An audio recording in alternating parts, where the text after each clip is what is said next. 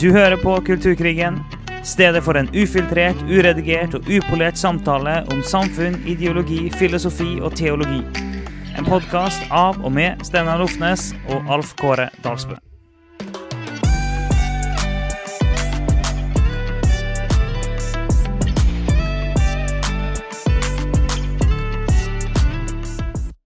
Når vi skulle lage punkter. Ja. Nei, men da, da gjør vi det, det er akkurat det vi sa. Vi, vi hopper i det denne gangen òg. For nå satt vi og skulle lage punkter og sånn, og det eneste vi klarer å gjøre, er å bare falle utfor et stup eh, i internett og, og eh, dyp, stadig dypere hull. Og det, det er jo Det det er det er alltid nye rabbit holes å gå inn i eh, når vi gjør litt research. Så nå fant vi ut at vet du hva, nå, nå driver, vi på med research for noe helt andre ting enn det eh, episoden her egentlig skal handle om. ja. Så da er det på tide å bare eh, Derfor trykker jeg bare på opptaksknappen nå, og så er vi i gang. Ja, det, men det er bra, bra Kåre. Det var den beste måten å avslutte det på. For vi kommer aldri til å bruke tiden vår vi, til å lage fine punkter og forberedelser. Vi kommer bare til å lese om enda mer og mer obskure ting i stedet. Det er det, det, det, Det er der drivkraften ligger. Men i dag så skal vi snakke om uh, videre om feminisme, og um, dypere da inn i disse fem grenene av feminisme som vi for så vidt berørte i forrige episode òg, men nå skal vi se litt mer på det og prøve dette på Bibelen. Ja, så forrige episode så var det mest fokus på de, fire bølgene av feminisme. Det var altså en sånn kronologisk tidfesting av, eh, av ulike bølger i feminismen når den kom fram. Mens nå er det ulike greiner, eller ulike retninger, kan du kalle det, eh, innenfor eh, feminismen. Så der bølgene kom på ulike tidspunkt, så vil vi si at eh, de her ulike retningene innenfor feminismen er alle sammen alive and well, aktive i dag. Ja, så um, de fem grenene, vi kan bare si de fra starten av, og så skal vi dukke mer inn i det. Det er altså nummer én, liberal feminisme. Det var jo òg den første, koblet på den første bølgen, men lever fortsatt eh, sterkt i dag. Så har vi marxistisk feminisme, eller eh, sosialistisk feminisme. Så har vi radikal feminisme. Og så har vi svart feminisme, så har vi postmoderne feminisme. Eh, Så la oss eh, ta dette for oss, Alf Kåre. Liberal feminisme. Og vi skal følge den vanlige prosedyren. Vi eh, går gjennom, og så skal vi forsøke å si noen ord om eh, hvordan vi som kristne skal møte det her. Hva vi skal tenke, hva vi- Bibelen har å si oss. Og liberal feminisme, eh, det er jo Ja, vi kan jo bare si da at hvis du hører denne episoden her uten å ha hørt den forrige, så er det her en sånn type episode der du bør ha hørt den foregående episoden før du hører den her. Det vil være en fordel. Eh, Det er ikke et must, eh, men det er en fordel. Ja. Jeg setter litt mer i kontekst. Men liberal eh, eh, feminisme, det, det går jo på det, det liberale tankegodset eh, om individets frihet, eh, likhet, eh, den typen ting. Og de, kjemper, jo eh, fram, kjemper jo for stemmerett og for sivile rettigheter på lik linje med menn. En, en type feminisme som eh, vi egentlig har blitt ganske godt vant med. Ja, den kan også kalles litt sånn mainstream feminisme. Um, og jeg, jeg har merket en ting som er litt sånn av begrepsforvirring i kristen setting.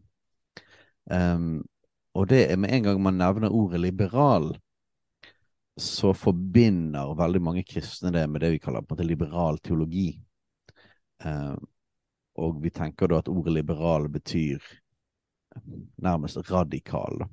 Um, I forhold til det med konservativ teologi og liberal teologi, så er det på en måte det er liksom den, den vanlige skillelinjen der. Um, nå har den liberale teologien kobling med den liberale ideologien, men, men eh, som liksom konservative kristne så må vi, må vi tenke litt mer gjennom når vi bruker ordet liberal, eh, at det finnes en liberal ideologi, eh, og store deler av den liberale ideologien er noe som, som kristne støtter. Um, og den liberale ideologien den kommer ut fra strømninger på 1700-1800-tallet.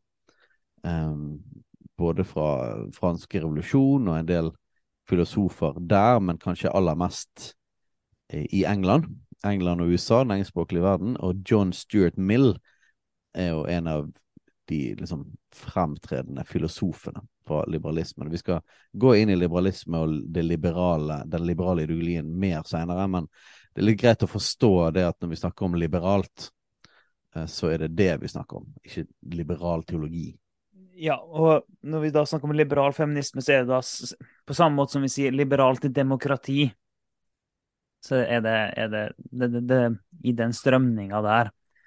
Og, og, liberal feminisme arbeider jo da for likestilling og, gjennom både politiske og rettslige og sosiale reformer. Og det er, mens det er marxistisk feminisme, som vi skal komme til, tilbake til snart, har fokus på at det er kapitalismen som er det store problemet, og hele systemet må styrtes og omveltes. Vi må ha revolusjon. Eh, sånn kan eh, både mennesket og kvinnene bli fri. Eh, så i, i den liberale feminismen så er tanken at strukturen og systemet Eh, det, det, skal vi beholde, men vi skal reformere og vi skal jobbe for at kvinnene òg får sin plass innenfor dette systemet. Det Systemet skal ikke rives ned, og vi skal ikke ha revolusjon, men kvinnene skal ha sin plass innenfor det systemet vi har. Ja, vi lever jo allerede i et liberalt demokrati, et liberal, liberalt samfunn. Um, det er ofte vanskelig å skille ordene liberal og liberalistisk. Eh, de er jo sterkt beslektet, men liberalistisk er et litt sånn kraftigere eh, uttrykk. Men det partiet i Norge som identifiserer seg mest med liberal ideologi, er jo partiet Venstre. Som er jo et parti på, i sentrum høyre um, i politikken. Og de regner vel seg som sosialliberale.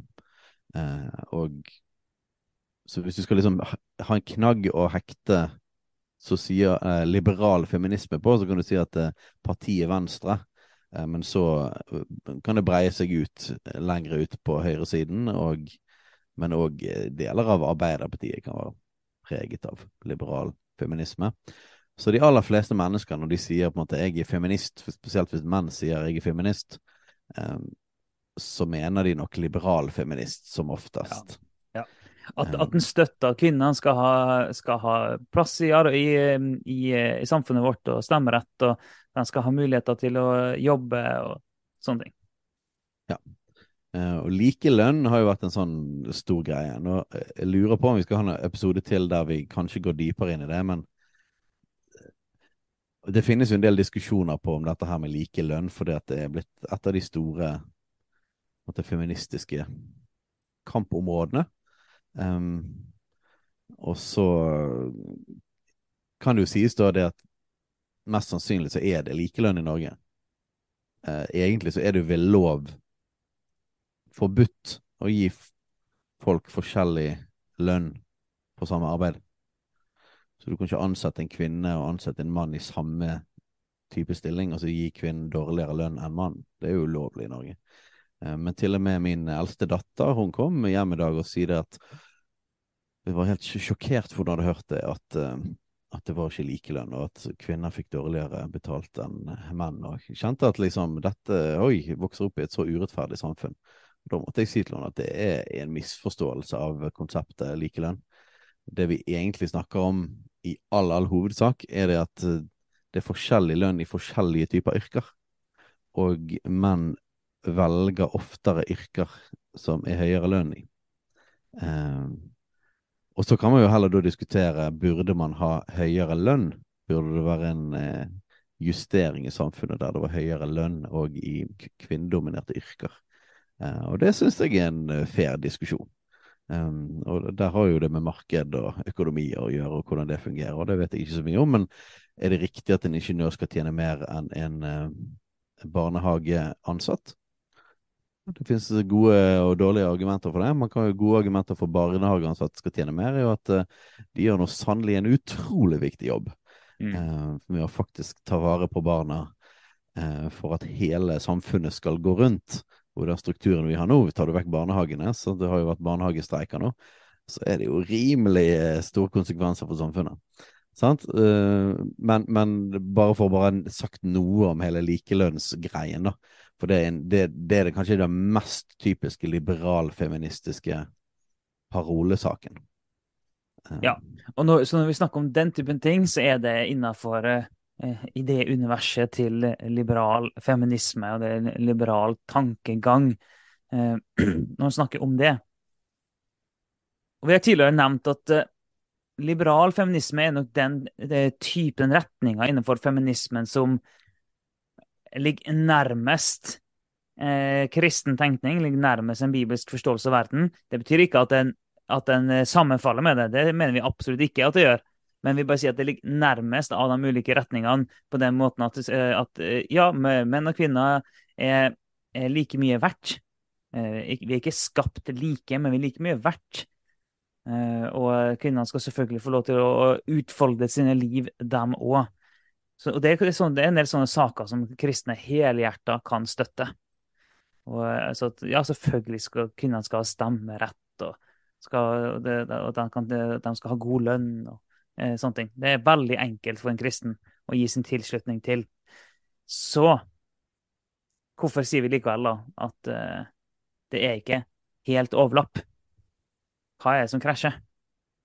Nei, sant, det er jo dette med at uh, som en kristen så tror vi på lik verdi. Um, alle er skapt i Guds bilde. Mann og kvinne er skapt i Guds bilde. Men det er ikke nødvendigvis en kristen tanke med likhet på alle områder.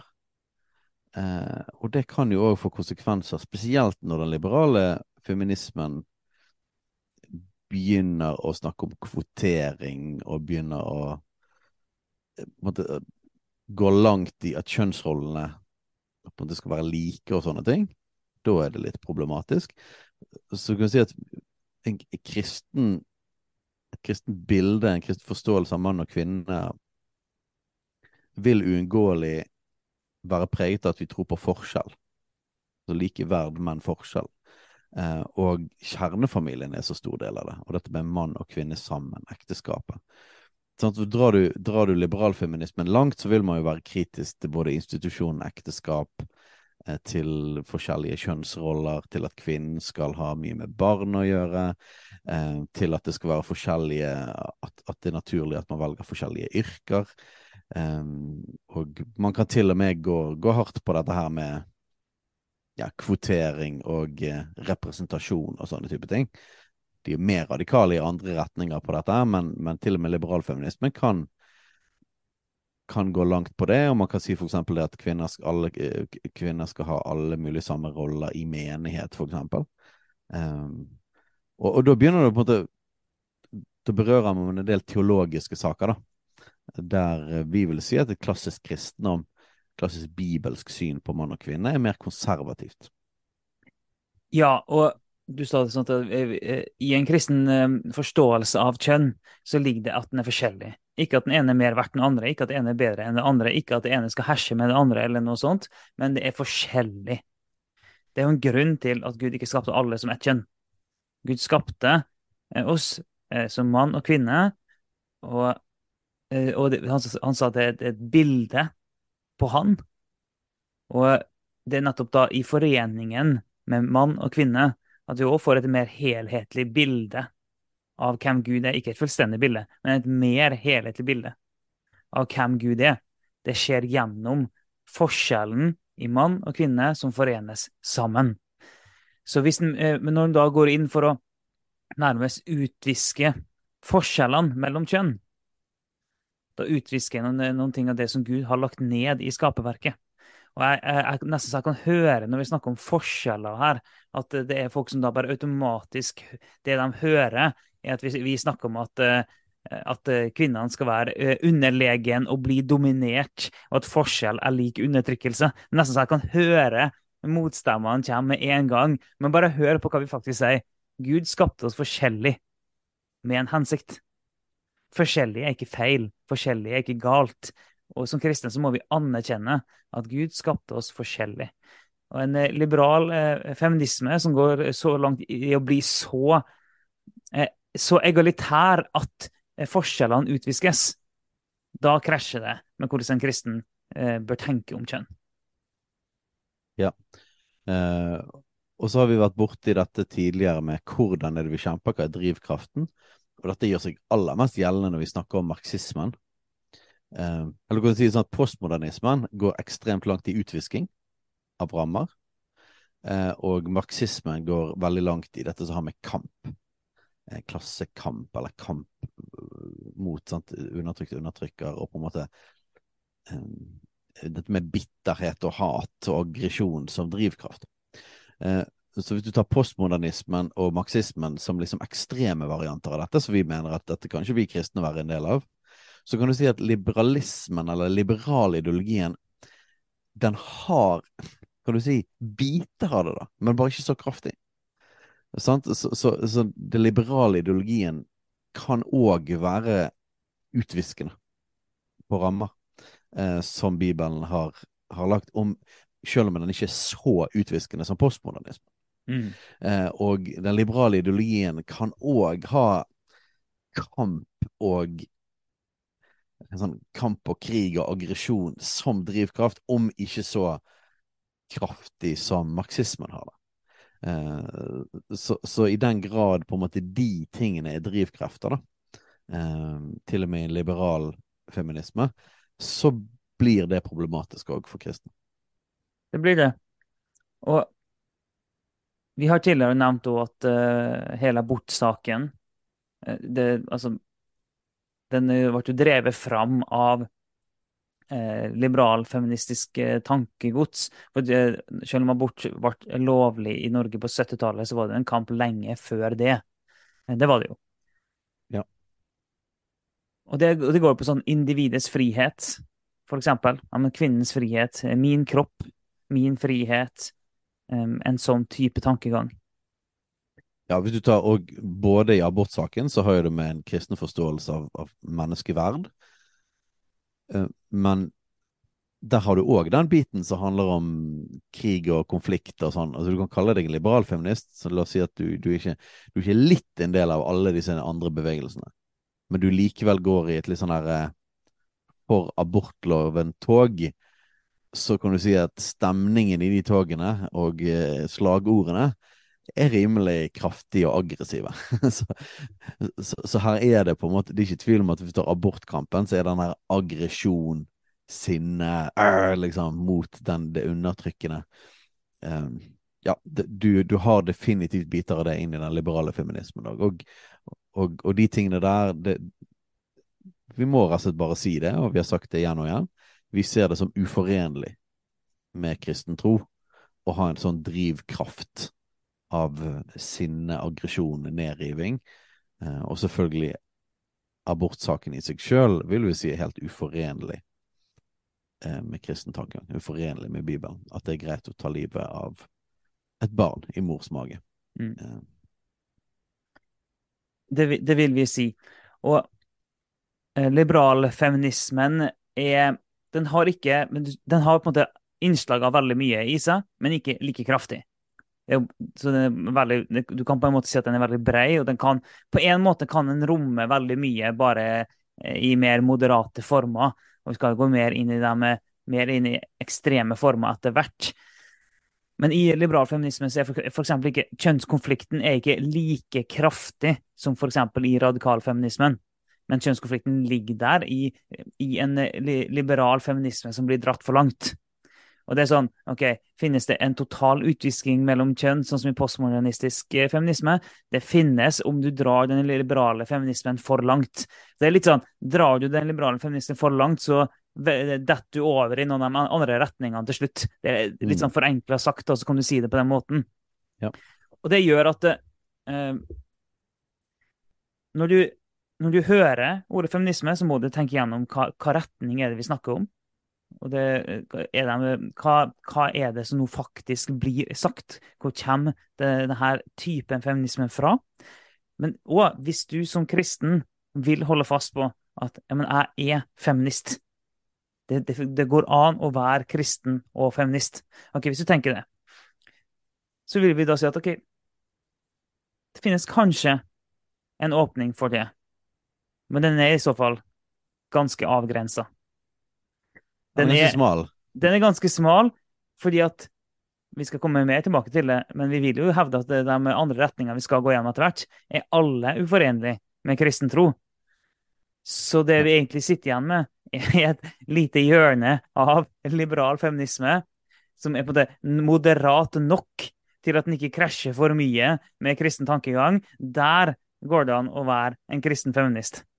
Ja, så, så hvis du skal prøve å finne dette bitte lille smale området for muligheten av å være en kristen feminist, så blir det altså en person som tror at Bibelen er Guds ord, eh, erkjenner at Gud har skapt mann og kvinne, begge er selvfølgelig likeverdige. Der kan man, der kan man eh, klamre seg fast til en liten sånn her eh, likeverd, viktig.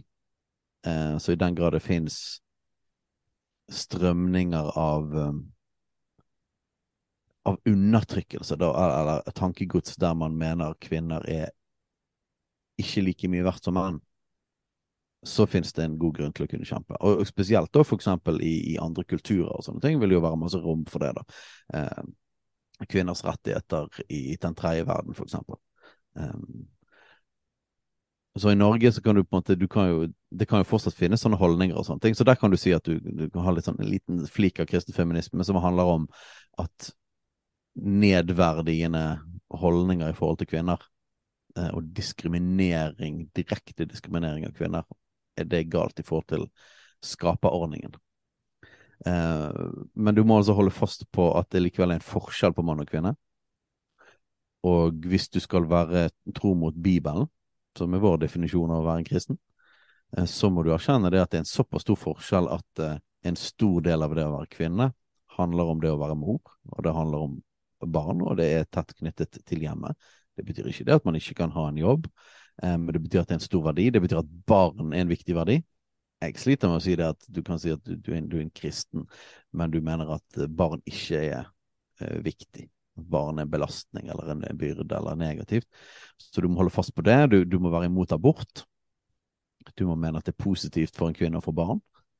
Um, og du må faktisk, og da er vi inn på litt skumlere territorium, men vi har jo vært inne i det tidligere, og vi skal gå dypere inn i det òg, tenker jeg, i, en, i, neste episode. Eh, og, og, det er å tro at det faktisk i, i Det nye testamentet så sier eh, Bibelen at mannen er hodet i familien. Eh, så det finnes altså for, forskjell på mann og kvinnens rolle i ekteskapet og i familien. Uh, og så må du være uh, for at staten og samfunnet, institusjonene, ikke skal rives ned. Uh, men vi underordner oss myndighetene. og så må du på en måte synes at det er greit at det er forskjell på, siden det er forskjell på menn og kvinner, så vil det òg være forskjell i valg i forhold til menn og kvinner. Og til og med, eller for å slippe den siste frustrerende greiene for å provosere alle kristne feminister, at det til og med pga. forskjell og pga. mannens rolle som hode i familien, så vil det være naturlig at det er flere menn som er ledere i samfunnet òg. Ikke at det er galt å ha kvinner som ledere, men at det er naturlig at det vil være flest menn som er ledere. det, nå føler jeg at nå liksom Nå skviste jeg all feministisk glød ut av alle kristne feminister, men jeg vil påstå at teologisk sett så må du kunne stå for alle de tingene. Eh, og hvis du står for alle de tingene der, og du finner likevel et rom for å si ja, men det er rom for en feminisme her som kjemper for, for likeverd, eh, for eksempel, og sånne ting som det, absolutt. Super. Go for it. Men det er rimelig smalt. Du har smalt rom som eh, Du er en rimelig konservativ, tradisjonell liberal feminist. Jeg vet ikke ja. om liberalfeministene ville anerkjent deg egentlig som liberal engang, hvis du så for alle de tingene. Så de, de, minuttene der, den monologen der, kan da klippes ut eh, og, og, se, og, og, sendes eh, til eh, feministene. Da, da, blir det trøbbel. Du må se hvor mange feminister som syns at jeg er en hyggelig person etter å ha hørt den ja, Men det står for det, altså. Vi står for det. Alle de elementene der, altså. Ja da. Og, og, og vi, vi, vi, vil jo si det at eh, Kort oppsummert, det du, det du, egentlig sa nå, det er at Guds ord setter noen rammer for oss som vi holder oss innafor. Ja. Uh, og så går det an, og det, så er det, det er ting i Guds ord som, som kan diskuteres, og det er faktisk ting som ikke kan diskuteres.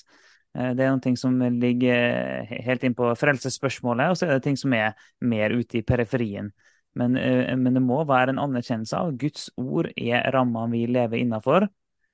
Og, og, og, og hvis det, når det er på plass, hvis det da likevel finnes et rom for f.eks. liberal feminisme, OK, greit. Ja, men det må jo være av, eh, Noe av det vi har reagert på når vi har sett på til litt sånn eh, kristne ledere snakke om kvinnespørsmål, har vært det at det har vært en mangel på tydelighet på at Jesus er herre. Mm. Og at, eh, at, vi kommer ikke til Jesus med på en måte en sett med rettigheter. Eh, men vi, vi er så fantastisk takknemlige for Hans nåde og Hans frelse. Og vi sier at eh, mitt liv er nå ditt liv, og det du sier, det går vi for. Eh, så, så på en måte rommet for at vi skal på en måte krangle på hans rammer.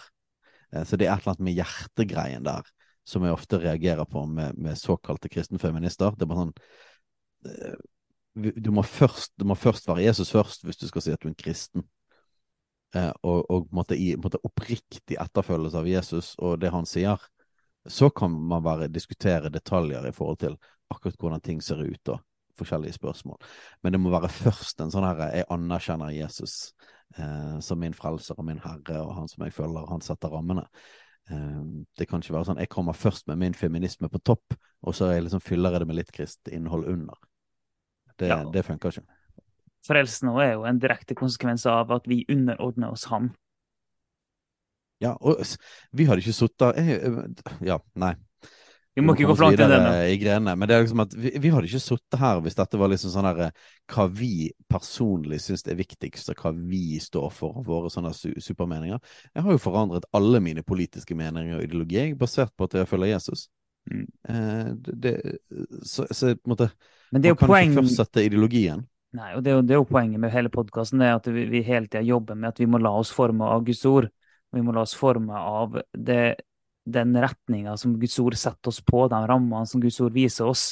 Det må hele tida være motvekten mot politiske program og ideologier som vi møter på. Ja. Oi, okay, det, det, er ja, mye men, der. Eh, ja, det er... Dypt nok nede i det liberale hullet der. Um, så la oss klatre opp igjen og uh, Gå ned i et annet hull? Ja. Eh, det vi sementerte vel eh, opplevelsen av at vi er mørkemenn der. så for da, du som fortsatt orker å høre på, på, eh, på, denne episoden, så skal vi gå videre til marxistisk feminisme. Ja, det skal vi. Så en enkel forklaring av eh, marxistisk feminisme, da. Og det, det, det, det er enklere å forklare når vi setter opp som Eh, som en kontrast i forhold til hva vi nettopp har snakka om, liberal feminisme. Der liberal feminisme vil kjempe for kvinners frihet og rettigheter innenfor det eksisterende systemet, strukturen, altså det liberale demokratiet, så vil jo marxistisk feminisme de vil jo rive ned eh, den nåværende strukturen. De vil rive ned kapitalismen. De vil ha sosial revolusjon. Og det er, det, det er jo den første og mest grunnleggende forskjellen at de vil ha hele systemet bort, mens liberal feminisme vil ha kvinnene inn i systemet. Og, um, så der er, det da først og fremst klassekamp, ikke kjønnskamp. Kjønnskamp kommer vi mer til i, eh, radikal feminisme, men uh, det er først og fremst klassekamp. Og uh, en klassisk marxistisk feminist vil jo da si til sin medkvinne, medkamerat, at uh, det er fint å kjempe for uh, kvinners rettigheter, men ikke glem, det finnes ingen frihet under kapitalismen. Vi må, vi må avskaffe kapitalismen, og da blir vi fri. Ja, og det er jo en veldig sånn hyggelig ting med Marx og den relativt uh, sånn simple teorien hans, da. Er jo det at han ser på en måte kapitalismen som roten til absolutt alt ondt altså, vi, vi, snakker, vi snakker at det finnes ikke en ond ting i hele eksistensen som ikke har sin grunn i eh, det økonomiske systemet. Eh, det er vanskelig å snakke om det og, og, og ikke si at det oppleves utrolig naivt, egentlig. Um, men det er jo enkelt og greit. Hvis alt ondt kommer fra kapitalismen, så gjelder det òg kvinneundertrykkelse. Og da gjelder det hovedsakelig å få revet ned revet ned kapitalismen. Og for, så for marxistiske feminister Marxismen hadde jo et oppsving på slutten av 60-tallet og utover 70-tallet. Um, først og fremst i forbindelse med nymarxismen. En revitalisering av marxismen, men òg masse klassiske ideer. I Norge så var jo det og nesten litt sånn mer enn mange andre steder, faktisk. Var det disse her eh, AKP-ML. Eh, maoister, marxist-leninister, som, som ble ganske fremtredende i, i, i det med marxistisk kvinnekamp. Um, så dette med å rive ned systemet er en stor greie, men det er òg dette med å forene arbeiderklassen og, og, kjempe mot den store, stygge ulven. Og så har vi snakket om nymarxisme, som, som i større grad tillot på en måte forskjellige underkamper da, og underbevegelser. Eh, som antirasisme og kvinnefrigjøring og etter hvert homokampen og de tingene. Eh, så den marxistiske feminismen er liksom koblet inn i det, da. Mm. Eh, at uh, som marxist så, så, var det nå mer rom for, på slutten av 60-tallet og utover der, mer rom for òg å være på en måte feminist og ha en, en, kvinnekamp. Men de er veldig nøye hele tiden med å dra det inn mot det store bildet. Eh, og at og her er det et, et stort skille da mellom radikalfeministene og de marxistiske feministene. Ja. der marxistiske feminister mener at det ikke er menn som er problemet, det er kapitalismen som er problemet. Men at vi faktisk skal kunne leve i harmoni som både menn og kvinner og eh, alle mulige sammen. Bare vi fjerner det systemet. Eh, veldig forenkla sagt, da, så kan du si at i liberal feminisme så er problemet at har At det er manglende rettigheter for kvinnene. I marxistisk eh, feminisme så kan du si at eh, problemet det er kapitalismen. I radikal eh, feminisme så kan du si at eh, der er det menn som er problemet. Så, så eh, ulike former for feminisme har på en måte ulike problembeskrivelser, kan du si. Ja. Uh, og de vil jo de vil jo være grunnleggende uenige, da, i en del av retorikken til hverandre. Mm. Uh, sånn som en radikal feminist vil si sånn at nei, dere er naive, for dere dere tror det at det er kapitalismen som er problemet. Nei, problemet er mye dypere enn det. Dette har vært lenge før kapitalismen. Dette er liksom det er mann og kvinnen Hele menneskets historie er jo historien om det undertrykkende patriarkatet. Så de vil jo si det at dere marxistiske feminister, dere, vi er jo praksis, så lar dere jo eh, fortsetter jo dere bare greiene, og så vil de kunne si noe sånn som at eh, ja, hvem var disse her folkene som fant opp den her fine ideologien deres? Da var ikke de gamle hvite menn, de, da? Eh, sant? Marx med skjegg der og alt mulig. Det er jo bare en ny form for patriarkalsk eh, undertrykkelse. Eh, sant? Og så Marxistene ville si til liberalfeministene er dere så naive og tror det at det går an å kjempe for kvinners rettigheter innenfor dette her undertrykkende mm. systemet? Mm. Det liberale demokrati det, det, vil jo, du vil jo aldri få noe mer enn smuler, men systemet er jo grunnleggende undertrykkende. Eh, så det er helt meningsløst å drive og kjempe for disse enkeltrettighetene. Her må man rive ned hele systemet. Dere går ikke dypt nok i problemet. Eh, så der, derfor krangler de med hverandre, da. Ja da, og der, eh, uten at vi må på en måte hoppe for langt fram i, her nå, men det, da, ok, svart feminisme kaster seg jo på å si til radikalfeministene at uh, det er fint at dere kjemper mot menn, men det er jo egentlig ikke det som er problemet her. Problemet er jo det at, at det er svarte kvinner som blir undertrykt. Så det er fint at hvite kvinner kjemper. Det hjelper ikke oss svarte kvinner. Og så blir, blir eh, rasespørsmålet helt ekstremt stort. Og hudfargen blir totalt definerende for hvem en er, og til og med over hva kjønn en er. Og så kommer ja. postmodernistisk eh, feminisme og sier at alt hun driver med, er fullstendig tull. Alt skal viskes vekk, alt skal rives ned, og alt skal handle om hva, hva vi erfarer og føler. Veldig forenkla sagt. Vi kommer tilbake til det. ja, ja. Nei, men det er helt sant. Så, så derfor eh, har vi sagt igjen og igjen her, vi kan ikke bare snakke om feminisme. Vi må, vi må snakke om hva type feminisme um, vi snakker om her, fordi at da får man helt forskjellige forklaringsmodeller. Og det vil føre til splittelse på forskjellige spørsmål ut fra hva ideologi man har under. Det gjør det. Så da er det sånn, okay, Hvis noen sier 'jeg er feminist', så bør du faktisk spørre hva type feminist er du? Ja. Og alle vil jo si ja, men vi er for kvinner. Men det vil jo vi konservative kristne òg si. Det er vi òg. Mm. Vi er for at kvinner skal ha det bra. Mm. Og skal være fri innenfor Guds rammer. Mm.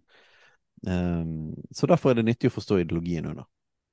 Så jeg vet ikke om vi skal si så mye mer om marxistisk feminisme. Jeg vet at, at marxistene og, og, og, ute på venstresiden så er dette en utfordring.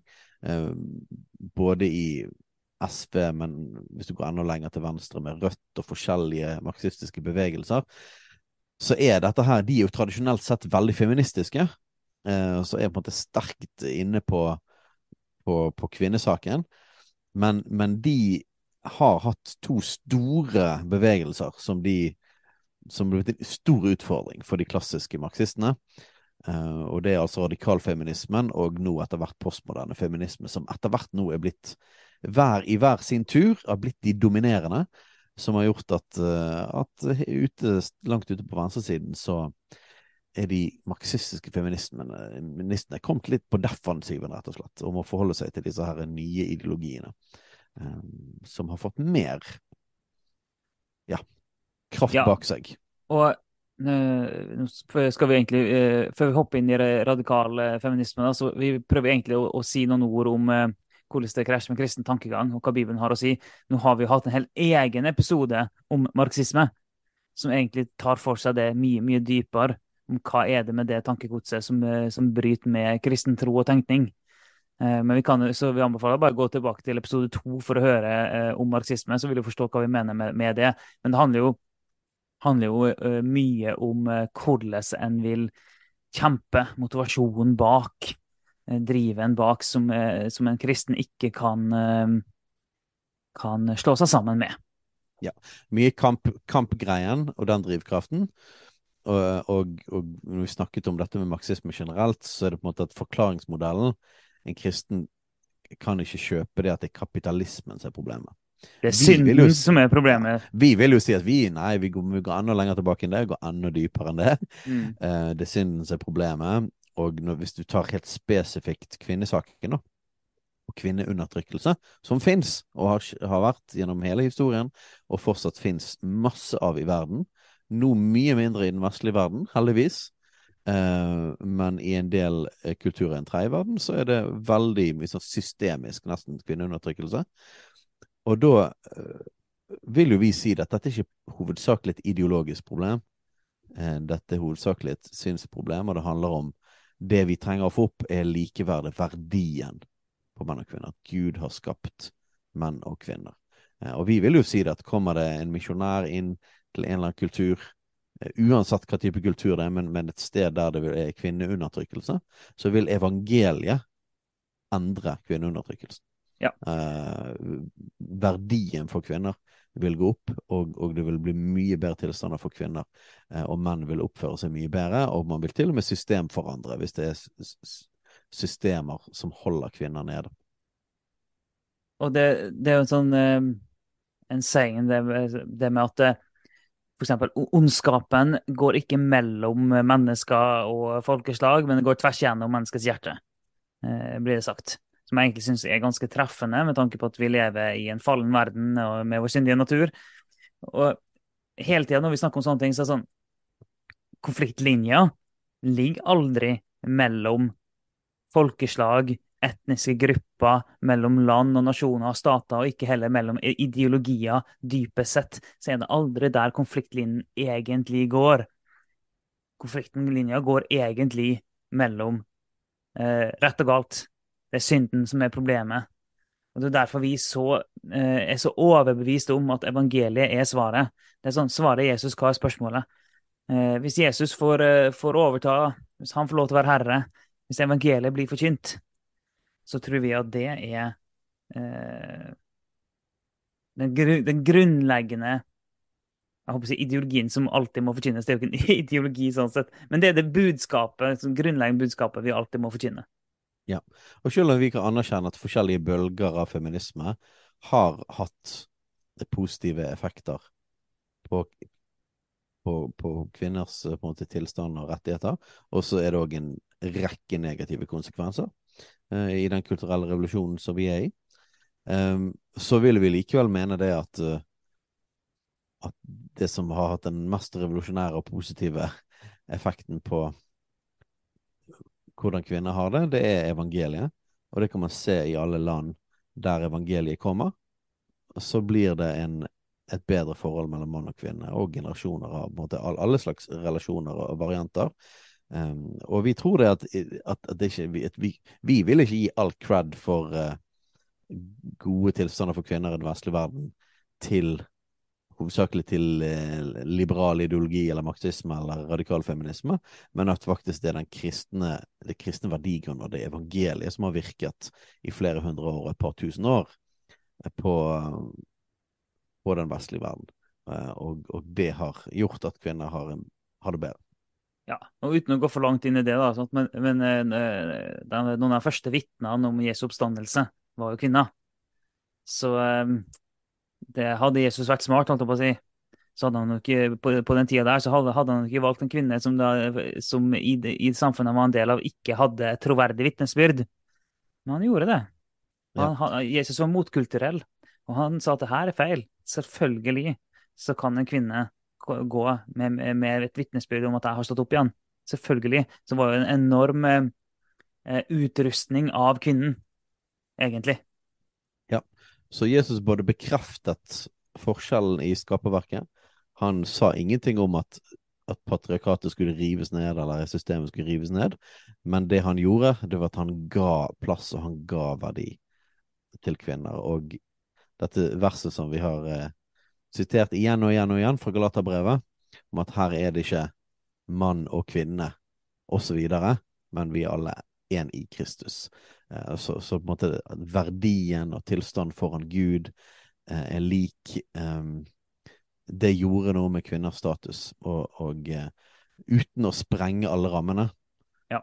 så gjorde det noe med verdi og status og fikk praktiske konsekvenser. På samme måte som vi har sett det i forhold til rasisme og andre ting. Ok, nå hopper vi litt mer inn i radikal feminisme.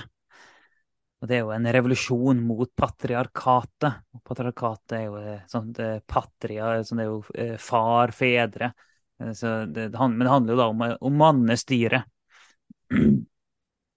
Så der er kampen er mot mannlig dominans. Systemet som skal rives ned, det er mannlig altså Det, det er jo patriarkatet, det er den mannlige dominansen i samfunnet, og alt ondt kommer ut ifra det.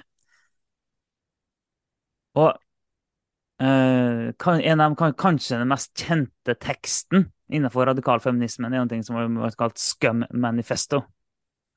Uh, det er skrevet av ei dame som heter Valerie Solanas. Eh, cirka noe sånt. Og Hun hevda at, at, menn har ødelagt verden, og hun foreslo opprettelsen av. Uh, SCUM. Det er, det er, noen som har påstått at det egentlig står for det et akronym for Society for Cutting Up Men. Eh, om det, om det, faktisk var det, det kan ikke vi vite. Det ble printa på boka hennes, men uten at vi, vet om det var liksom hennes vilje. Det står, står, ikke i boka, men det, det, det er det blitt sagt i ettertid at ok, Society for Cutting Up Men. Uansett, så det er en sånn scum-organisasjon som hun ønska å opprette. Uh, det var en organisasjon som skal utrydde hannkjønnet. Den skulle utrydde hannkjønnet. Uh, og um, Jeg blir nesten litt sånn satt ut når jeg leser om det. For, bare, sånn, bare hør hva vi sier. Uh, noen, noen, noe tankegodset bak radikal feminisme det går på at selve hannkjønnet skal utryddes. Og ei dame også, som er, er, i den leia her, Julie Bindel, Eh, hun argumenterte for at eh, menn, alle menn burde fengsles og interneres i en leir for at de kunne avskaffe heteroseksualiteten. Det er det, altså det, det tankegodset vi snakker om her. Ok, Du skal internere alle menn. Eh, du skal avskaffe heteroseksualiteten. Du skal utrydde hankjønnene. Og da må vi bare tenke, hva, finnes det noen paralleller til det her opp gjennom historien? Du trenger ikke å tenke lenge før Ja, det, det, er ikke så mange år siden vi hadde leirer i Europa som var satt opp for å utrydde et visst folkeslag, og for å avskaffe det som har vært kalt det jødiske problem. Da satte dem opp leirer for det. Så det er bare for å sette det litt i kontekst, da. Det er, det er ganske heavy saker. Ja, og selvfølgelig alle som kaller seg en radikal feminist, f.eks. kvinnegruppa Ottar. Jeg vet ikke om de Jeg tviler på at de står for at vi skal Nei, det, det gjør de helt sikkert ikke. Eh, men det sier noe om at, at den radikalfeminismen har ganske drøye ideologisk eh, bakgrunn. Eh, og hvis du skulle tatt det etter standarden fra hvordan vi behandler nazisme, eh, så burde det jo være ganske uglesett å kalle seg en radikalfeminist. Men eh, det kan man. Den første radikalfeministiske gruppen i Norge var Kvinnefronten. Etter hvert så ble det litt splittelse der, og så kom kvinnegruppa Otter. Og de kommer fra denne tankestrømningen, som er ganske antimenn, og mener altså at patriarkatet er problemet. Så finnes det noen litt sånn undergrupper av, av radikalfeminismen. Men eh, du kan si at det, dette her kom jo fram da på slutten av 60-tallet. Hun skrev dette her manifestet i 1967. Hun ble kjent, hun er eh, Solanas, eh, i 1968 fordi hun prøvde å drepe kunstneren Andy Warhol. Jeg har ikke helt satt meg inn i hvorfor hun prøvde å drepe han, men eh, hun, hun ble kjent da dette manifestet ble, ble kjent. Um, men dette var jo i, midt inne i den kulturelle revolusjonen og eh, denne her slutten av 60-tallet-greien at radikalfeminismen kom fram. Det var jo først og fremst venstreradikale kvinner eh, av hvite middelklasse, da. Som på en måte var, var den bølgen. Den andre bølgen av, av feminismen. Um, og så kom de De kom i klinsj ganske raskt til den marxistiske kvinnebevegelsen og den liberalistiske eller liberale kvinnebevegelsen, borgerlige kvinnebevegelsen. Um, og ble en sånn tredje grein, men òg ligger da ytterst på venstresiden. Så her er det litt sånn konflikter på venstresiden. For både marxistisk feminisme, radikal feminisme og etter hvert postmoderne feminisme er jo da venstreradikale strømninger, egentlig. Um, som står litt imot hverandre. Ja, og um, kvinnegruppa Ottar de eh, identifiserer seg sjøl som radikalfeminister. Og da sier ikke vi det at de er en, eh, nærmest en eh, moderne versjon av uh, nazismen. Uh, at kvinnegruppa Ottar er det, det er ikke det vi sier. Men det vi sier er at vi må alltid gå til det ideologiske tankegodset. Vi må gå til røttene for uh, ideologien, og vi må se hvor hen kommer det her fra. Og hva er den logiske konsekvensen hvis du trekker her, denne forståelsen helt ut? Sånn må vi alltid tenke. Og, og, vi som kristne vi har et ansvar for å sørge for at vårt tankegods er fundamentert i Guds ord. Så, så når vi da snakker om radikalfeminisme, så er ikke poenget vårt å si at alle som identifiserer seg som det, de mener at, at, at menn må utryddes. Men alle som identifiserer seg som det, må være klar over at det er det ideologiske tankegodset og at den, og den måte, i sin ytterste konsekvens så er det det en snakker om. Jeg tror en del folk hadde hatt godt av å tenke over hvorfor er nazisme feil. Mm. Hva er galt med nazisme? Ja, men det var Hitler, og det var holocaust. Ja, selvfølgelig. Men hva er det med det tankegodset som gjør det så farlig? Nei, det er tanken om at noen er overlegen noen andre, og at de andre er mindre verdt Eh, og i dette tilfellet så var det etniske grupper, eller raser som de kalte det. Eh, så da var den ariske, germanske, eh, hvite rasen var over, og så var det et system av andre folkeslag som var under, og nederst kom jødene, og derfor kunne de utryddes. Eh, så det hele systemet om forskjell i verdi eh, er det som er livsfarlig, eh, og når du begynner å sette opp et sånt system. Så vi kan ikke bare si nazisme er feil bare fordi at det er nazisme. Det, det, er, det er på grunn av Når vi tenker forskjell i verdi, og du tenker en kamp mellom raser. Eh, og de hadde òg en forståelse, det skal, det, det skal, vi huske på, de hadde òg en forståelse om at de hvite var undertrykt. Eh, og at jøden var den farlige undertrykkeren. Den som hadde makt den hadde som pengene. hadde pengene. Den som på en måte for, Dette kom jo ble populært på 30-tallet i Tyskland. Det, her var ikke det, de dominante hvite vi snakker om. Vi snakker om de fattige hvite etter, etter økonomisk krise i hele Vesten. Og, gjennom, og tyskerne som hadde tapt første verdenskrig og var uh, utslått og uh, var et liksom knust land. um, og det var dårlig økonomi, og så var jødene på toppen. Så de så seg sjøl som de som var undertrykt, og så var jødene de som var over, og som var undertrykkerne. Og derfor hadde de grunn. De kunne kjempe, de kunne på en måte slå oppover. da. Eh, og derfor kunne de rive ned jødene og gjøre på en måte en slags hevnaksjon. Mm. Tenk på tankegodset bak det. Og derfor er nazismen livsfarlig. Forferdelig ideologi. Men når du begynner å sette opp det samme systemet mellom kjønnene. Så er det, er det, samme grunn til at dette er farlig som nazismen. Ja. Det er at du, du, lager denne kampen mellom grupper. Det er bare at du forandrer på gruppene. Ok, nå, Da er det ikke etnisiteter, da er det kjønn. Ok, Men hvorfor kan de forsvare denne her greia? Det er akkurat det samme som, som, som nazismen. Det, det, er det at jo, men menn har undertrykket i alle, alle århundrer. Og det gir en grunn til at man kan slå oppover, og man kan på en måte snu det, og på en måte ta en slags hevnaksjon. Ta seg av det som på en måte har vært problemet hele tiden, og det er menn. Eh, samme problem var det med kommunismen. Eh, nok en gang, de hadde et annen forståelse av det, men da var det altså kapitalistene som var problemet, og de var de onde. Eh, og derfor kan vi bruke alle midler mot de. Og det førte til alle disse grusomme situasjonene i, i kommunistlandene, der det ble en uh, masse drap på forskjellige folk som de blir definert som undertrykkere. Så vi må huske at grunnen til at vi mener nazisme er feil, er, er denne her drivkraften av hevn og bitterhet og hat, og å sette grupper opp imot hverandre, og mene at hvis du bare blir kvitt den gruppen, da blir hele problemet vekke.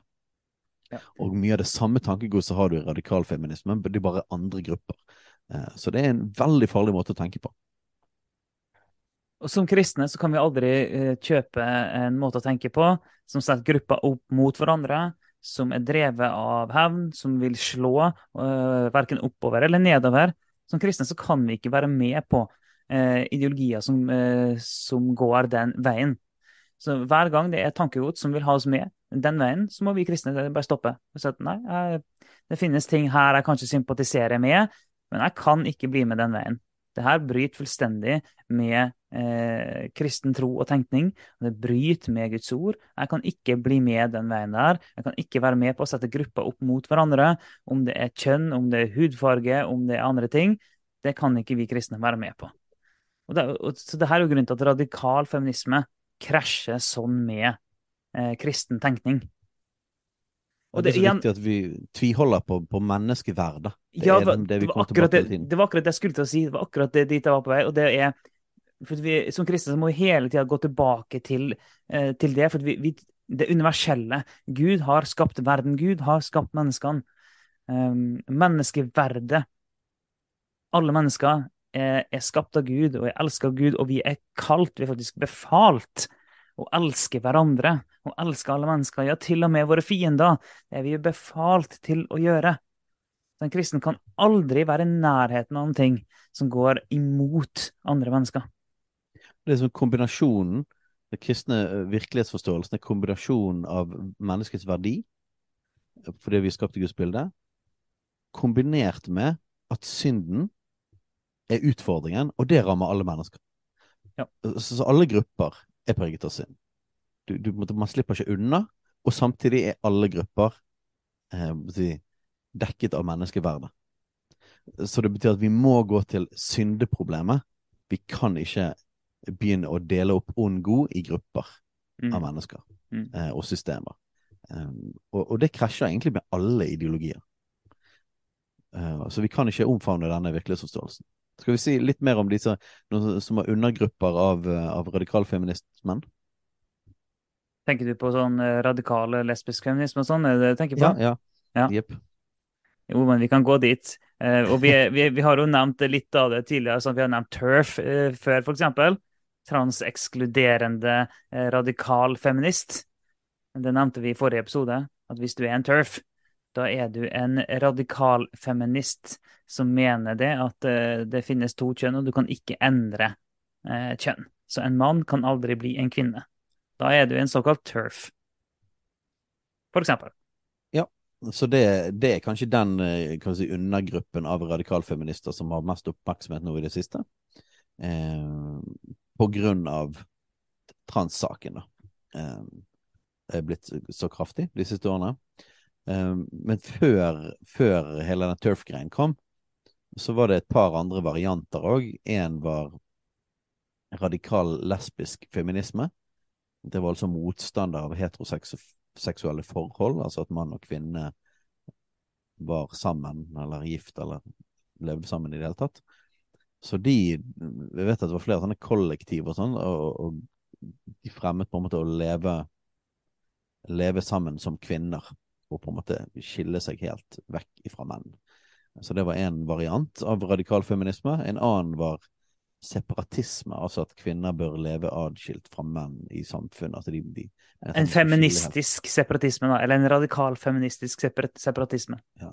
Det er jo nesten en slags apartheid-variant ja. eh, av radikal feminisme. Ja, det er faktisk det. Ja. Og jeg, jeg, nevnte det i forrige episode om feminisme òg. At, at denne retninga innenfor feminismen, det der en kan snakke om at en ikke trenger menn. Vi kan leve uten menn. Og noen vil dra så langt som at vi bør, eller vi skal, eller vi må leve uten menn. Ja, og vi har jo sagt det flere ganger nå, men jo mer vi har gått inn i radikalfeminismen, jo mer vil jeg si det at denne ideologien er såpass farlig at vi må, vi må sammenligne den med høyreekstremt uh, tankegods. Ja, men, men jeg, jeg, jeg, står faktisk for, å rent sånn ideologisk, å sammenligne det med, eh, med nazisme og uh, apartheid. For det er den, ja. samme, det er de samme underliggende driverne. Det, det, det, sånn sett kan du si, Siden dette kommer fra venstresiden, kan vi kalle det, en slags venstreekstremisme som jeg tenker er ganske uakseptabelt. Og, mm. uh, og vi står jo ikke for uh, deplatforming og cancelling og uh, uh, kneble ytringsfriheten, så vi mener ikke det at det skal være ulovlig å være radikal feminist. Men uh, det vi mener, det er at man bør si kraftig fra om det. Uh, og, og, at det er nesten underlig for meg når vi, når vi går inn i radikal feminisme, det er nesten underlig for meg hvor mye aksept denne ideologien faktisk har hatt i Norge. Mm. Ja, er, og, og, hvor lett det er for mange, og kristne feminister, hvor lett det er for dem å argumentere ut ifra det radikalfeministiske tankegodset. Eh, og når de begynner å argumentere mot patriarkatet. Og så drar de selvfølgelig ikke så langt som det her, det, det er ikke det jeg sier. Men de, begynner, de henter argumentasjon fra radikal feminisme uten å forstå hva de egentlig henter. Ja, så når folk begynner å snakke om patriarkatet og sånne ting, så kan det gå en liten sånn eh, radikal feministisk alarm. Da må du iallfall uh, sjekke at bare sånn, ok, hva, hva, mener du egentlig med patriarkatet? Og når du sier at du er feminist, hva slags type feminist er du? Da må du uh, ta noen sånne uh, avsjekker, i alle fall. Yes. Så hvis du klatrer opp av eh, det kaninhullet Vi har jo visse, sånne, eh, visse typer begreper vi bruker her i, i podkasten vår. Og hoppe i det er én ting. Og vi kan jo koble det med å hoppe i det med å hoppe ned i et kaninhull. Mm. Så nå Nå må vi ikke kravle opp av det. Nå må vi kravle opp, så vi har utvidet vokabular i denne, denne episoden. Nå kravler vi opp av radikalfeminismehullet, og så hopper vi ned i svart feminisme. Og da er det sånn, ok, men Når vi skal snakke om svart feminisme For, for at det, eh, Rent sånn tradisjonelt så blir ofte feminisme delt opp i tre idéretninger, kan du kalle det. Og det er de tre vi har gått gjennom nå. Eh, liberal feminisme, marxistisk feminisme og radikal eh, feminisme. Og så har vi da lagt på svart feminisme og postmoderne feminisme fordi vi mener at det, eh, sånn som verden har utvikla seg, så må vi snakke om det òg. Og svart feminisme er for noen kanskje litt sånn ukjent, for det, det er ikke det blir ikke snakka så mye om.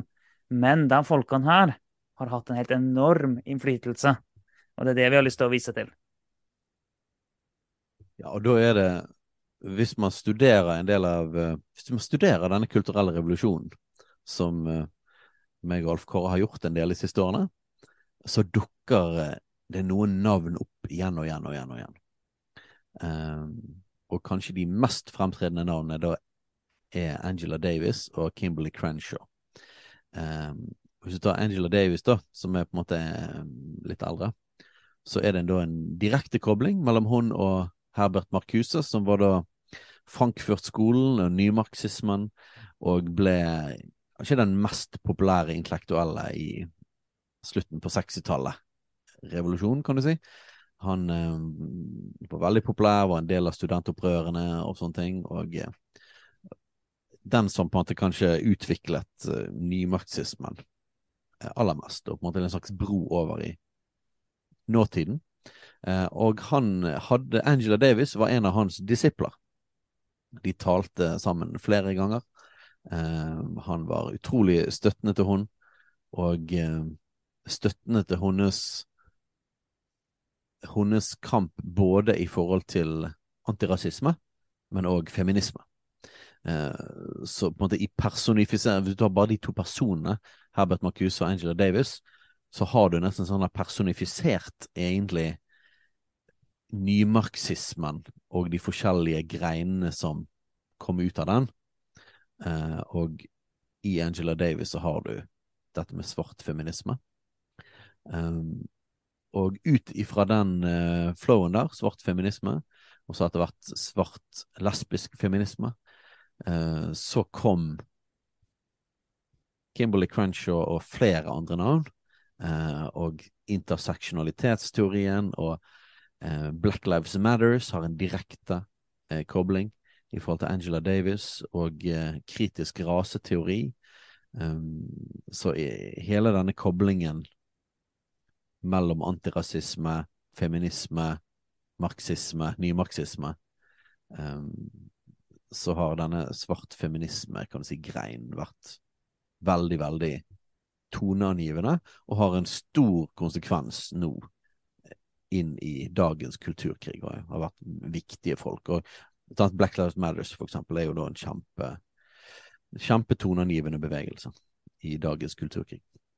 Ja, det er det. Og vi nevnte i forrige episode det med at eh, svart feminisme er kobla på eh, framveksten av kritisk teori og kritisk raseteori, eh, som vi må komme tilbake til senere, men som har en enorm innvirkning i dag.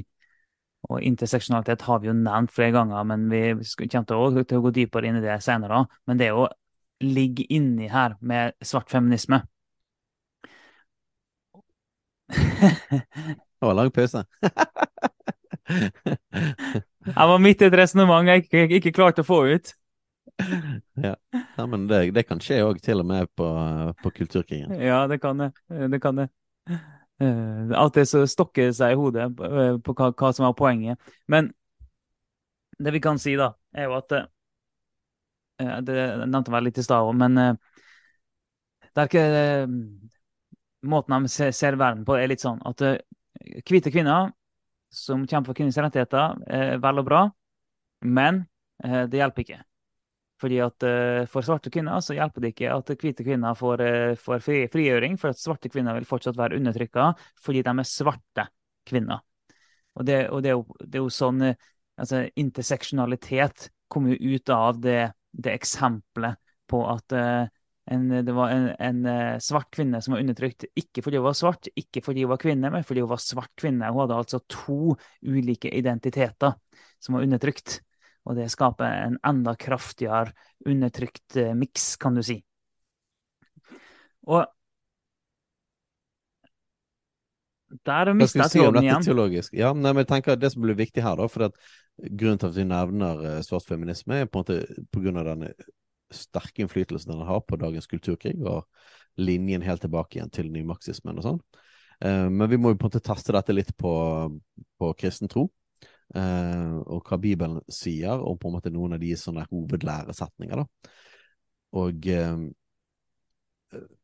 jeg tenker jo det at etter liksom å ha snakket om radikalfeminisme, så merker jeg at jeg har utrolig mye mer sympati for uh, de svarte feministene.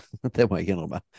Det, det, det, har mye flere gode grunner, de tingene og teoriene som de kom opp med, uh, enn en den forrige, det forrige hullet vi var nede i. Uh, men klart at det er jo flere problematiske ting. For det første, Angela Davis, som var da en av de tidlige her, hun, hun var ikke bare at hun var en nymarxist og disippelen til Marcuse, men hun hun uh, var jo faktisk visepresidentkandidat til Amerikas kommunistiske parti. Um, så vi snakker jo at dette er jo en gjeng med marxister her da, som som ikke fordi at de var svarte feminister, men rett og slett fordi at de var marxister. Så, og, og, det har vi jo gått gjennom i andre episoder. Altså, det, det, er jo grunnen til at på måte, tankegodset deres og, og, sånne ting kanskje vi helt gå for. Så måte, uten at vi trenger å gå gjennom Svart feminisme er på en måte mer en slags kobling av forskjellige ting, og en gruppe som fikk stor innflytelse, mer enn at det er en egen ideologi. Uh, og hvis du tar interseksjonaliteten og hele den greien, uh, hva, hva, vil Bibelen si om det? Altså, det? Det er ikke et problem for oss å erkjenne det at, at noen folk kan bli truffet av mer diskriminering enn av, av andre, mm. fordi at de har for, de tilhører forskjellige typer grupper, og at det blir en kombinasjon av det. Sånn sett er på en måte var interseksjonaliteten en helt fair greie i starten. Problemet med interseksjonaliteten er jo, som vi har vært innom et par ganger nå, eh, er jo på en måte at det skaper en slags pyramidestruktur der det er et mål, i praksis et mål å være så undertrykt som mulig, fordi at da får du makt, og da kan du på en måte eh, sparke oppover, da. Eh, til de som på en måte er over deg i hierarkiet. Og, og det er kanskje hovedproblemet mitt egentlig med hele disse tingene som kom ut av svart feminisme, er det at eh, konsekvensene de har fått, konsekvensene ideene de har fått, har vært forferdelig dårlige i dagens kulturkrig. Og vi skal dog ta en egen greie på Black Lives Matters. Og uh, uten at vi har sagt mye om det, så er det på en måte mye av tankegodset som ligger under. Uh, selv om saken kan virke helt fair i seg selv, så er det noe saken, det, saken og ideologien som ligger under. Det samme med kritisk raseteori. Så alle disse tingene skal vi ta på en måte på egen hånd og dissekere. Eh, både forklare mer om og si hva Bibelen sier om. Eh, og Derfor er det sånn litt vanskelig å vite hvor dypt vi skal gå inn i dette nå. Men, men eh, det, svart feminisme er nevnt på grunn, av, på grunn av alle disse tingene. Ja, og, og det, blir, det, blir, problematisk når det blir en så sterk eh, identifisering med sin egen hudfarge at det trumfer alt mulig annet. Det, det gjelder ikke bare svart feminisme, men, eh, ja. men, nå er det jo svart feminisme vi snakker om her. Men når det blir en sånn uh, identifisering med sin hudfarge at det trumfer alt annet, og når for, noen av folkene her da er ikke villige til å si at uh, jeg er en person som er svart, men de vil si jeg er en svart person. Altså, poenget er jeg er en svart person, min hudfarge kommer først i, i definisjonen på hvem jeg er, ikke det at jeg er et menneske. Ikke det at jeg er en kvinne eller mann, men jeg er svart. Og Det er det, det første definisjonen av hvem jeg er. Og det funker ikke for eh, i en kristen tankegang. Og da er vi tilbake vi kommer igjen, igjen tilbake til Galaterne 328. Når vi sier det at her er ikke jøde eller greker, her er ikke slave eller fri, her er ikke mann eller kvinne. Eh, for Vi kan ikke sette sånne kjønnskategorier opp mot hverandre, vi kan ikke sette økonomiske klasser opp mot hverandre, vi kan ikke sette ulike raser eller hudfarger opp mot hverandre. og Vi kan heller ikke identifisere oss først og fremst med noen av de her kategoriene. Vi kan ikke identifisere oss først og fremst som mann eller kvinne, selv om det er gudskapt. Vi kan ikke først og fremst identifisere oss med, med mørk eller lys hud, selv om det er gudskapt. Vi kan ikke det. Eh, så når, når noen av tingene her blir definisjonen av hvem vi er, så, så bryter det med en kristen forståelse av hvem vi er. Og det går ikke. Ja, og det er spesielt når du får dette sinnet og bitterheten og forklaringsmodellen på ondskap eh, inni hele denne miksen, så blir den svarte feminismen og alle de ideologiene eller variantene som kommer ut av det, blir på en måte en slags en mer komplisert eh, modell enn en både radikalfeminisme og klassisk marxisme. Eh, men det ligger mye av den samme drivkraften under. Eh, det er denne skillet mellom folk, og det er denne kampen, og det er eh, fokus på å være undertrykt eh, på en måte som funker dårlig med, med kristen forståelse. Men før vi hopper inn i postmodernistisk feminisme til slutt, så kan vi bare ta og vende interseksjonalitetene mot oss sjøl et lite øyeblikk, da. Vi, vi, som kristne vi, vi, må passe oss for at ikke vi går i den samme fella. Uh, vi er, her er, så driver jeg Steinar av og tuller litt med om at, sånn vi, er, vi, er, hvite menn. Uh, Steinar er 40, jeg er ikke 40 ennå, men vi, jo eldre vi blir, jo verre blir det jo. Uh, så vi er hvite menn, vi er hvite heteroseksuelle menn, og vi er hvite kristenkonservative heteroseksuelle mørke menn, faktisk.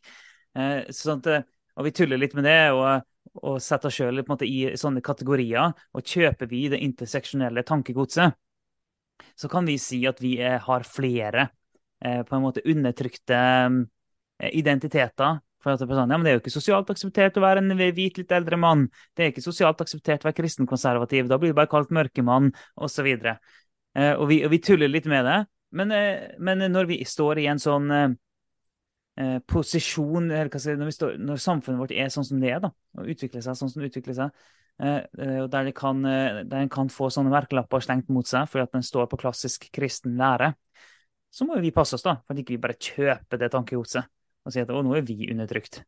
Ja, så det går an, sånn for det vi har sett, er at en del av nymarxismen, postmodernismen, eh, interseksjonell tankegang At dette er jo egentlig venstreradikale venstreradikalt tankegods som definerer da hvem er de undertrykkende greiene og sånn. Men så har vi sett at med en reaksjon på dette fra høyresiden, så har man på en måte kjøpt noe av samme rammeverket men man bare bytter ut innholdet av det. Eh, og vi stiller spørsmål ved hele rammeverket. Vi mener at hele rammeverket i seg sjøl er ikke bibelsk. Eh, og, og, dette har vært spesielt i forhold til Maga og hele den bevegelsen av kan du si, amerikansk arbeiderklasse som, som har støttet Donald Trump, så har det vært mye av det er jo ikke marxisme, for de hater jo marxisme, men samtidig er det mye av tankegodset er det at vi er under, og, og, og, vi er imot eliten, og vi skal kjempe mot de. Um, og vi bruker ord, sånn som postmodernistene, uh, og fører kamp med ord og begreper, og vi er aggressive, og vi mener at vi er i lager et slags eget interseksjonalt system, da, der, der, der vi er undertrykt. Uh, og vi, ja, vi kan ikke gå med på det heller. Det, det, er ikke greit å bruke disse modellene og tankemåtene og så bare fylle det med nytt høyre, høyresideinnhold. Uh, vi må rett og slett forkaste hele modellen og måten å tenke på. Vi må forkaste det, og vi må omfavne den modellen som Bibelen er, den virkelighetsforståelsen som Bibelen gir oss. Vi må, som vi alltid sier, ta på oss bibelske briller. Jepp. Ok, postmoderne feminisme. Eh, vi har toucha innom det flere ganger, og på mange måter så har vi gått langt inn i det, kan du si, med tanke på at vi har hatt flere episoder om postmodernisme. Eh, så vi anbefaler å høre dem. Da vil det være enda enklere å forstå det vi skal snakke om nå, hvis ikke du har hørt dem. Eh, så på en måte har vi snakka masse om det, men nå er det den hvordan postmodernisme slår inn i feminismen som er poenget. Og Judith Butler er jo kanskje hovedpersonen, premissleverandøren her, kan du si. Eh, med ting hun har skrevet, og hvordan hun har forma eh, måten å tenke på. Og det går på å totalt eh, bryte ned forståelsen av biologisk kjønn. At kjønn er sosialt konstruert. Kjønn er noe du eh, lever ut eh, sosialt. Og det er basert på hva du opplever er ditt kjønn.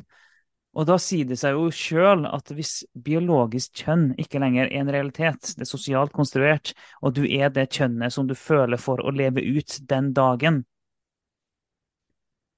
Da eh, det er, en, det er jo en, radikal kontrast til radikalfeminismen, selvfølgelig. Det er det jo. Men, eh, men da blir det jo spørsmålet men hva slags feminisme er det her da? Da er det jo rett og slett bare en feminisme for alle som føler at de er kvinner, og det er den dagen. Det er jo det det egentlig blir. Og vi har sett konflikter på det her med, eh, kvinnemarsj. Der, og hva slags paroler skal det være? Der du har noen radikale feminister som ønsker å ha noen paroler som går veldig tydelig på biologisk kvinne. Og så er det noen som da blir veldig sinte for det, og vil ha paroler som går for å inkludere det de kaller alle kvinner. Da, da mener jeg jo alle menn også som ønsker å være kvinner. Så blir det en konflikt innen feminismen pga. det her. Ja, det, det, dette er jo utfordringen med postmodernismen. at når du, når du, skal rive ned alle kategorier, så blir det jo litt forvirrende etter hvert. For i, i hvor stor grad er det egentlig feminisme når du river ned kategorien mann og kvinne?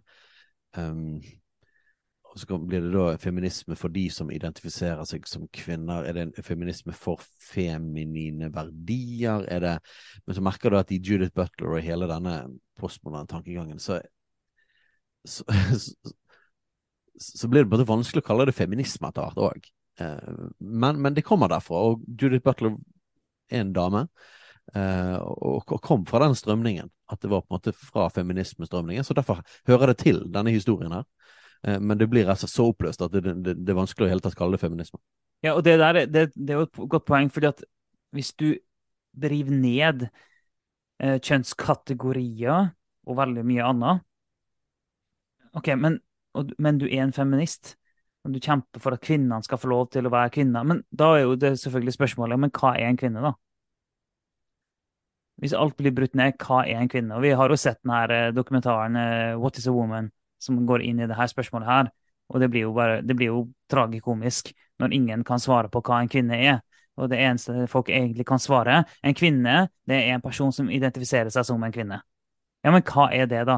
Nei, det er en person som identifiserer seg som en kvinne. Ja, men hva er en kvinne? Nei, det er en person som føler at den er en kvinne. Ja, men hva er en kvinne? Og ingen klarer å svare på hva er en kvinne. For uh, den som svarer på det, den går til biologiske fakta.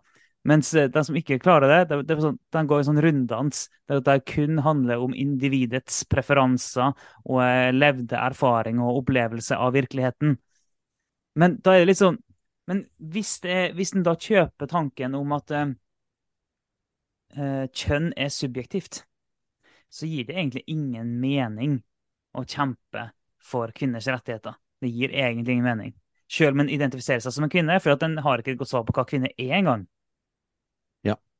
Og uh, hele denne her uh, retningen her startet gjennom uh, Judith Butler sin bok i 1990 som heter Gender Trouble. og der hun går gjennom forskjellige forfattere. Hun er jo sterkt inspirert av Michel Foucault, altså den mest sånn toneangivende postmodernistiske tenkeren. Um, og, og det, jeg leser faktisk akkurat her nå for bare skal bare finne noen mer detaljer på det. Så ser jeg at hun, hun ville vel nesten avvise sjøl å kalle seg en feminist. Eh, og det gir, jo, det gir, jo, mening. Så hvis du går langt i den, i den postmoderne retningen, så, så forsvinner jo egentlig hele poenget med feminismen.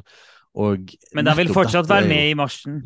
Ja da, de vil være med i marsjen. Men, eh, men, eh, nettopp dette er jo den store konflikten mellom radikalfeministene og postmoderne feministene. Fordi at um, Og her nå var det jo ingen vi kritiserte dypere enn radikalfeministene. Vi snakket jo til og med om høyreekstremt og nazistisk tankegods. Um, men det rare her at når du kommer til postmodernismen og queer theory og trans-saken og um, Eh, så ser vi jo det at vi plutselig kommer litt på lag da med disse her eh, radikalfeministene. Det er jo det morsomme her. ja, at, eh, ja, men hallo, dette her ødelegger jo for hele den feministiske saken. Um, dette ødelegger jo i, i, det minste så anerkjenner iallfall radikalfeministene at det finnes menn og kvinner. Yep. Um, så, så, det er jo underlig. Um, men hvorfor i all verden nevner vi disse da, når, når vi sier at det, det, er nesten som bare prater om dette, så det, det er så selvoppløsende at man liksom Det blir nesten sånn meningsløst. Nei, men da er jo problemet, da Dette, folkens, denne rare grenen som vi snakker om helt til slutten, dette er i ferd med å bli den dominerende grenen. Ja. Eh, dette er den som faktisk tar over. Mm. Eh, og det har jo med den enorme innfly store innflytelsen queer theory har hatt Eh, og postmoderne teori har hatt, og spesielt i LHBTQ-bevegelsen. Og Q-en der er queer, og T-en er trans. Så Q-en og T-en er de postmoderne variantene, og de er kommet liksom ikke sist til, for det finnes jo drøssevis andre bokstaver, men hvis du tar liksom bevegelser med virkelig stor trøkk og innflytelse, så er jo de bevegelsene de som har fått mest traction, kan du si, de siste ti årene. Um, og nå er på en måte dominerende. Og det som er så underlig Det fins et begrep, jeg husker ikke helt hvem som sa dette, men det er et sitat som sier det at revolusjonen spiser sine egne barn. Og du så dette her i den franske revolusjonen at uh, først tok man uh, Man halshogde kongen og dronningen Marie Antoinette og hele den flokken der. Men så var det litt vanskelig å vite hvor du skulle slutte. det var alltid noen nye som var over. Det var alltid noen nye yes. å ta. Alltid noe nye å ta. Sant? Så da går man på, løs på adeligheten, og så må du ta disse kontrarevolusjonære, de som er litt imot, og så blir det forskjellige fraksjoner og bevegelser. Så var det noen som het jakobinerne, som var jo helt spinn eh, riv ruskende gale som, som eh, satte i gang en terror, da. der de, altså de drepte så mye folk. Eh, og eh, rettssaker der du ble dømt for alt mulig rart. Og, og, og eh, giljotinene, de ble jo holdt varme hele tiden. Ja, var, jeg skal håpe å si de, de gikk varme, nærmest. Eh, for det var så mange som var drept. Og sånn Paul Pott, Kambodsja, eh, som skulle utrydde hele den intellektuelle eliten. Men eliten forsvant jo aldri, for hver gang du tok en del av eliten, så var det noen andre som plutselig var eliten. Ja, altså, sant, og da var det etter at alle som bodde i en by, og etter hvert så ble det alle som hadde briller, for det, da så det ut som du var intellektuell, mm. og, og, alle som kunne et annet språk. Altså, det, var, det er en helt sånn crazy greie du setter i gang med sånne revolusjoner. Mm. Og vi vil si at denne kulturelle revolusjonen, den har samme effekt. For det som skjer, er at de seinere bevegelsene er mer radikale. Til og med mer radikale enn de forrige. Og begynner å, å definere de forrige igjen, som til og med undertrykkende. Mm og så gå løs på de med samme midler. Eh, og det må jo være rart å være en radikalfeminist som nesten har eh, stått for utryddelse av menn, og så plutselig så kommer det noen som sier at nei, du er, du er undertrykkende. Mm. Og du er Vi må rive ned hele kjønnsbegrepet. Du, du bør utryddes. du bør utryddes. så det er en utrolig rar ting jeg tror at dette har noe med på en måte djevelens natur, og at når du først begynner å rive ned Guds rammer, så det er nesten så du får et sånt momentum. Det er slipping slippery slope-prinsippet. Eh, og at, at, etter hvert blir det lite å holde seg igjen i. Og foreløpig, eh, per nå, så er vi inne i den postmoderne queer-bølgen. Har virkelig, virkelig uh, tatt fatt. Selv om postmodernisme er jo ikke noe nytt, men denne siste varianten av det er det ja. som har tatt tak. Og det er sånn, Hvis du hører det her uten å ha hørt episode 3, 4, 5, 6 eller noe sånt, uh, alle de episodene der, så er det ikke sikkert at du liksom, automatisk henger med på det vi snakker om med postmoderne, men da må du gå tilbake og høre på det. Men sånn veldig enkelt forklart så handler det jo om at vi eh, følelser står over fakta, og uh, virkeligheten defineres subjektivt. Jeg er det jeg føler. min levde erfaring er det som former virkeligheten. Og virkeligheten skapes med ord, derfor blir ord ekstremt viktig, osv. Det er det som er postmodernismen veldig, veldig enkelt forklart. Ja, så, så, hva skal vi si? Det er jo litt sånn som uh, med svart feminisme. For nå, disse to bevegelsene er viktige å nevne fordi at uh, de er de som preger nåtiden aller mest. Og hvis du tar liksom sånn her eh, samlebetegnelsen woke, hvis du har noen som, som, kaller seg woke, eller vi kaller woke, um, sånn superpolitisk korrekte og på en måte står for alle de eh, ja, de populære sakene nå for tiden. Og eh, så er de nok veldig preget av det som svart feminisme og de, de tingene som kommer ut av det. Og de er preget av postmodernisme. Um, så og Judith Butler og Queer Theory. Sånn vi, vi, hører f.eks. ordet skeiv uh, ganske mye, og det er jo direkte ut fra dette. Uh, skeiv er det norske oversettelsen av queer. Mm. Uh, som en slags samlebetegnelse på at du er utenfor normen. Ja. Du er utenfor normen, og når du hører om normkritikk, så handler det om å oppløse de normene som de her folkene her da visstnok er utafor. Eh, så da må det opplyses, nei, opplyse, oppløses, sånn at alle kan få lov til å være innafor. er tanken. Men ja. så vil vi si da at når, når, du driver og oppløser rammer, så fører det med seg en hel haug med andre ting. Så dette blir jo litt sånn som forrige, at, at vi har jo allerede tatt en ganske grundig gjennomgang av både postmodernismen og kristen kritikk av det, da. Um, og det blir jo det samme nå, egentlig. Uh, vi bare putter det inn i hele feministbiten. Så jeg vet ikke helt hva mer eh, vi skal si om det, eller om vi bare skal henvise eh, tilbake. Har du et par, par ord å si om det, Alf Kåre? Vi henviser tilbake til tidligere episoder. Nei, altså, det, det, Hører en de episodene, sine er jo godt skodd for å forstå det, det vi sier nå om postmoderne feminisme. Og hvis du har hørt og ikke husker så godt, så kan du bare gå tilbake igjen og høre på nytt. Det er jo ikke noe verre enn det. Men eh, hvis vi skal prøve en oppsummering for å prøve å sette rammen her inn, og vi på den måten vise forskjellene, så kan vi på det avslutte der. Ok, Liberal feminisme eh, vil beholde systemet, og problemet er manglende rettigheter for kvinner. Marxistisk feminisme vil rive ned systemet og erstatte det med noe nytt. Det er kapitalismen som er problemet. Radikal feminisme det er også, vil rive ned systemet, men da er systemet forstått som patriarkatet. Og det er mannen og den mannlige dominansen som er problemet. Svart feminisme, der er det rett og slett det hvite som er problemet. For det gjør at uansett hva som skjer, så gagner ikke det den svarte. Og med postmoderne feminisme så er det nærmest alt som er problemet. Det litt sånn ja, det, det finnes, ja, det fins rammer og, og, og forskjell på mann og kvinne i det hele tatt. Ja, for der er jo problemet alt som hindrer folk i å få lov til å være det de føler at de vil være. Alt det som setter, eh, som, som setter begrensninger på mennesket. Alle mulige typer rammer som står imot det et menneske måtte føle til enhver tid. Ja, og eh, nå sa jeg det at vi ikke Vi, vi henviste bare tilbake til tidligere episoder for å gi en sånn bibelsk kritikk av postmodernismen.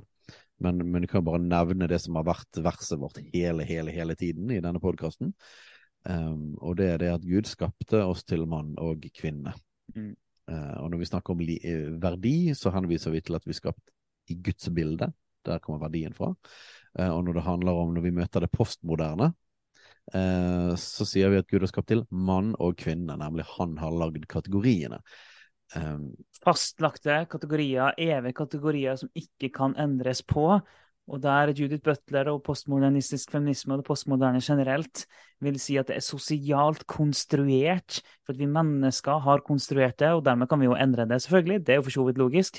Uh, det vil de hevde, så vil vi hevde at nei, det er ikke sosialt konstruert, det er ikke konstruert av oss mennesker, det her er guddommelig konstruert. Gud har laga kategorier, han har laga rammer som vi skal være innafor, som vi ikke skal oppløse. Jepp.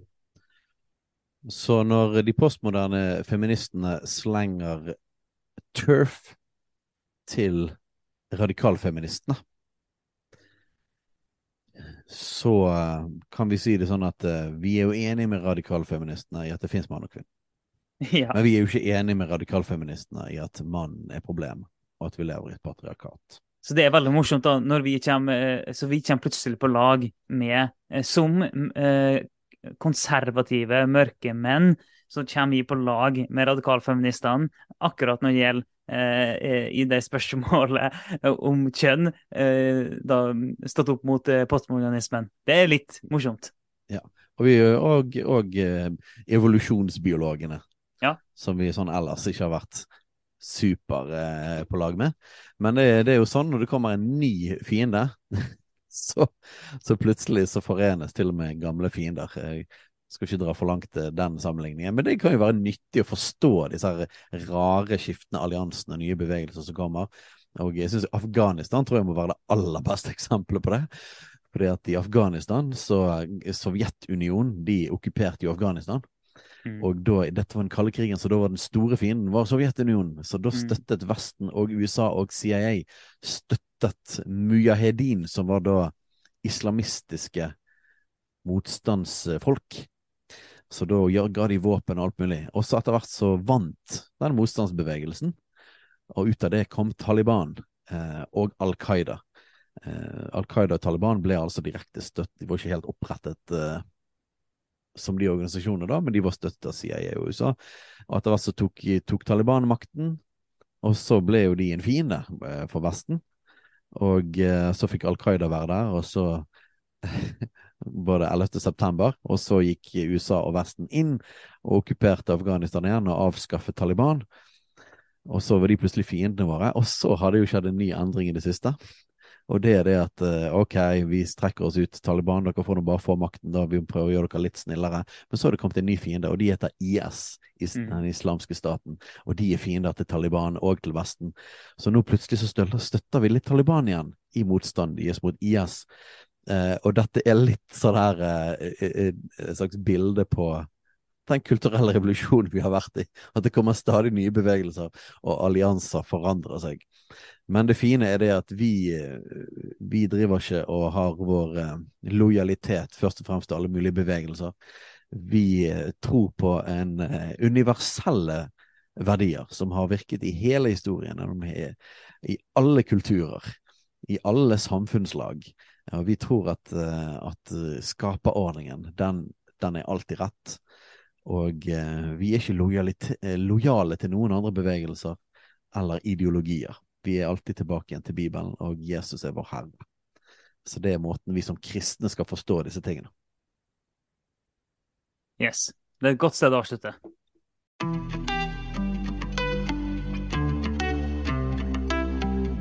Takk for at du lytter på Kulturkrigen. Om du har tilbakemeldinger, spørsmål, hva som helst egentlig, send inn til post alfakrøll kulturkrigen.no eller på sosiale medier.